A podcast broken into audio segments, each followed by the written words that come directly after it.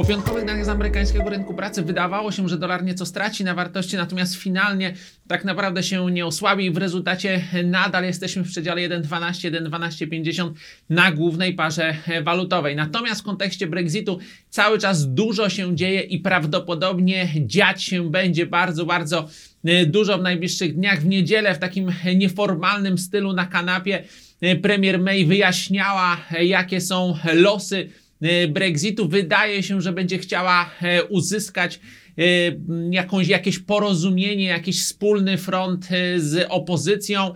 E, Prawdopodobnie zgodzi się, chociaż to oczywiście nie jest pewne, ale jednak zgodzi się na warunki lejburzystów e, dotyczące Unii Celnej. E, Być może e, to przedłużenie rzeczywiście będzie stosunkowo długie, natomiast z opcją wcześniejszego jego zakończenia. Natomiast jeżeli nie będzie, nie będzie zgody pomiędzy May i Corbinem, to najprawdopodobniej będziemy mieli dalsze zamieszanie y, związane y, z Brexitem. To zamieszanie będzie polegać na tym, że y, ta bardziej konserwatywna część y, torysów nie będzie y, chciała dalej współpracować y, z gabinetem premier Teresy May mniej więcej 100, może ponad 100 członków e, eurosceptycznych członków e, partii konserwatywnej wydaje się być e, gotowa do tego, żeby e, torpedować e, dalsze działania e, związane z Brexitem, więc wydaje się, że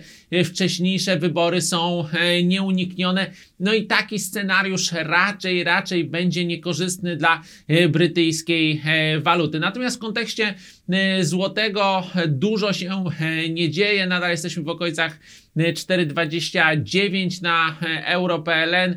E, Ważna dla złotego i dla rynku globalnego również e, może być środa. Wtedy mamy również wyjątkowo w środę akurat posiedzenie Europejskiego Banku Centralnego. W środę będzie publikacja minut z ostatniego posiedzenia Fedu. Także trochę sygnałów napłynie na rynek, aczkolwiek trudno powiedzieć, czy one rzeczywiście wyraźnie wpłyną na notowania głównych par walutowych, gdyż te sygnały z rynku, z banków centralnych musiały być silne, by zaburzyć e, ten, e, tą stabilizację na głównej parze walutowej i stabilizację również e, na złotym.